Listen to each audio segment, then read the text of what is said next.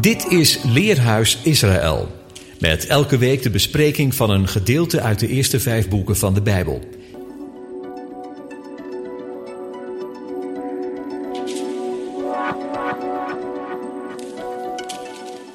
Parasha en hij ging uit, betekent dat. Dan lezen we Genesis 28 vers 10 tot 32 vers 2. Uit de Haftara lezen we Hosea 11 vers 7 tot 14 vers 9. Dat is een hele grote Haftara. Overigens, ik kan wel echt wel zeggen, Hosea is wat mij betreft mijn favoriete Bijbelstuk. En zeker hoofdstuk 11. Dat is zo mooi. Ik zal het zo ook voorlezen. En dan lezen we uit het Nieuwe Testament Johannes 1 van 19 tot 51.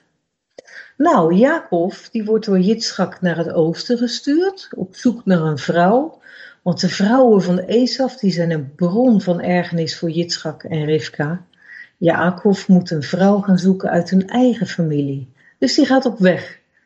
En wanneer hij op zijn reis een droom krijgt over engelen die op en neer gaan op een ladder die in de hemel eindigt, dan weet hij dat de God van zijn vader Jitschaak en van zijn opa Abraham ook met hem is.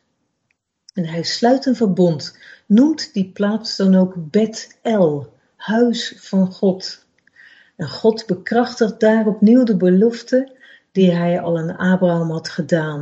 Het is prachtig dat God daar later weer aan refereert, verder in deze parasha, met te zeggen, ik ben de God, die God van Bet-El. Dat vind ik zo mooi, omdat God het vaak over de God van uh, Abraham en Isaac, maar hij zegt hier, ik ben die God van Bet-El, diegene die jij zelf hebt ontmoet. Ik vind dat echt uh, ontroerend. En dan bij zijn oom Lavan aangekomen, oftewel meneer de Wit, want Lavan is Hebreeuws voor wit, daar ziet hij Lea en Rachel. Nou, Lea heeft tedere ogen, die staat heel vaak vertaald en dat is zo verkeerd. Ze heeft fletse ogen, maar dat staat er echt helemaal niet. Er staat, ze heeft tedere ogen, zachte ogen. En dat is heel wat anders dan flats. Want dat, ja, met flats krijg je iets, een, een negatieve gedachte. Maar bij teder heb je juist een hele positieve gedachte. Maar goed, zij heeft dus tedere ogen. Maar Rachel is verder ook heel schoon van uiterlijk. En daar valt Jacob toch voor.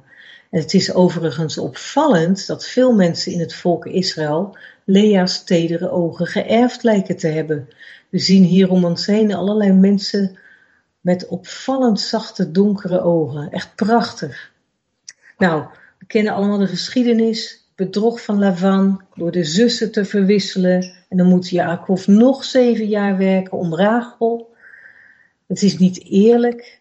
Na de tweede zeven jaar bedingt hij zijn loon en dan krijgt hij al het gevlekte vee. En hij doet er dan nog zes jaar over om een hele gevlekte kudde bij elkaar te sparen, heel slim. En dan heeft hij uiteindelijk meer vee dan zijn schoonvader. Nou, in die tijd worden elf van de twaalf zonen geboren, als mede Lea's dochter Dina. Benjamin laat nog even op zich wachten, de jongste van Rachel. De spanning tussen de zussen Rachel en Lea is duidelijk voelbaar. Zeker als Lea als eerste vier zonen krijgt en Rachel dan nog helemaal niets. Via de slavinnen Zilpa en Bilha worden nog meer zonen geboren. Dat is een gebruik in die tijd. Op de schoot van de huisvrouw baart de slavin een kind dat vervolgens aan de huisvrouw gaat toebehoren. En dan baart Rachel Jozef. En Benjamin laat dan nog steeds een poosje op zich wachten. Die gaat pas geboren worden wanneer uh, ze al wegtrekken. Nou, de namen van de zonen vertellen een verhaal om er een paar te noemen. Ruben, dat is, betekent eigenlijk Reu, ven. Oftewel, Reu betekent zie en ven, of ben in dit geval, betekent zoon. En wat zegt eigenlijk Lea, zie een zoon. Kijk, een zoon. Levi betekent aanhechting, lijm. Want, zegt Lea, nu zal mijn man zich aan mij hechten. De naam Josef betekent verzamelen. Moeder Rachel wil nog veel meer kinderen en zodoende noemt ze haar eerste zoon dan ook zo. Weet zij veel dat hij ooit graan zal verzamelen om alle broers en heel de bevolking van Egypte in leven te houden? Nou, wanneer Jacob uiteindelijk vertrekt, komt zijn schoonvader hem nog achterna en na wat ruzie om de huisafgod die Rachel heeft gestolen, sluiten Jacob en Laban een verbond. En dan Hosea. Wat is er van dit volk, van die nakomelingen van Abraham en Jitschak en Jacob terechtgekomen? Het is niet mis wat Hosea allemaal profeteert. Het volk is afgevallen van God. En in geen andere profeet staat zoveel lyrische liefde van God aan zijn volk beschreven als juist in Hosea. Ik leerde Ephraim lopen, zegt God. Ik nam hem op mijn arm, maar zij erkenden niet dat ik hen genas. Staat in 11 vers 13. En daarna de lyrische woorden in vers 8 en verder. Hoe zou ik u prijsgeven, Ephraim, u overleveren, Israël? Mijn hart keert zich in mij om. Ten volle wordt mijn erbarming opgewekt. En dan nog verder. Ik zal Ephraim niet verderven, want ik ben God en geen mens.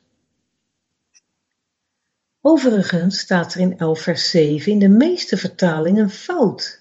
Er staat, en al roepen zij tot God, toch zal hij hen niet opheffen. Echter, wat staat er in werkelijkheid? En al roepen zij tot hem, niet één verhoogt hem.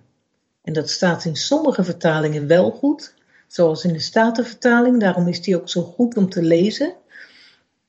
En het is ook wel heel wat anders wat er staat, want het is ook een direct appel aan ons allemaal. Moeten wij verhoogd worden? Wel nee, nee, wij moeten God verhogen. Roepen we Hem dus aan om alleen maar dingen te vragen? Of aanbidden we en verhogen we Hem ook werkelijk? Dat is de vraag. En God heeft er pijn van dat dat daar dus niet gebeurde. Opvallend is ook dat er in Hosea 13 vers 3 staat dat God Ephraim vergelijkt met dauw. En dat is in dit geval negatief bedoeld.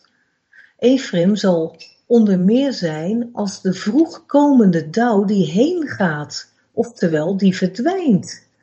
Hosea is een heel apart Bijbelboek vol tegenstellingen. God spreekt hier emotioneel en boos en tegelijk vol liefde. En in 14 vers 6 komt dan die tegenstelling. Ik zal Israël zijn als de dauw. Hoe wonderlijk is God? Nu is dauw juist positief bedoeld en is hij niet heen gegaan aan het kruis, alle zonden van de mens met zich meedragend. In cryptische vorm staat dit geweldige gebeuren hier in feite al beschreven. Paulus haalt dit ook aan in Romeinen 6, 1 tot 11. Wie gedoopt is, met hem gestorven. Gestorven is voor de zonde. En die is opgestaan in het eeuwige leven dan ook met hem. Dat zijn hele diepe dingen. Zoals in Genesis in deze parasha de twaalf zonen worden geboren, zo kiest Jehoshua en Johannes de twaalf discipelen uit. Zoals God door Hosea profeteert dat hij het volk, ongeacht hun afdwalingen van hem, dat hij hen toch niet in de steek zal laten, zo zien we de uitkomst hiervan in de komst van Johannes de Doper en uiteindelijk Gods Zoon, die de goede herder is en die zijn schapen bijeenbrengt. God is en blijft de Heere met hoofdletters. U luisterde naar het programma Leerhuis Radio Israël. Een wekelijkse studie aan de hand van de Bijbelgedeelten die wekelijks door de Joodse gemeenschap worden gelezen. Heeft u een vraag of opmerking? Stuur dan een e-mail naar info-radioisrael.nl Het leesrooster vindt u op onze website.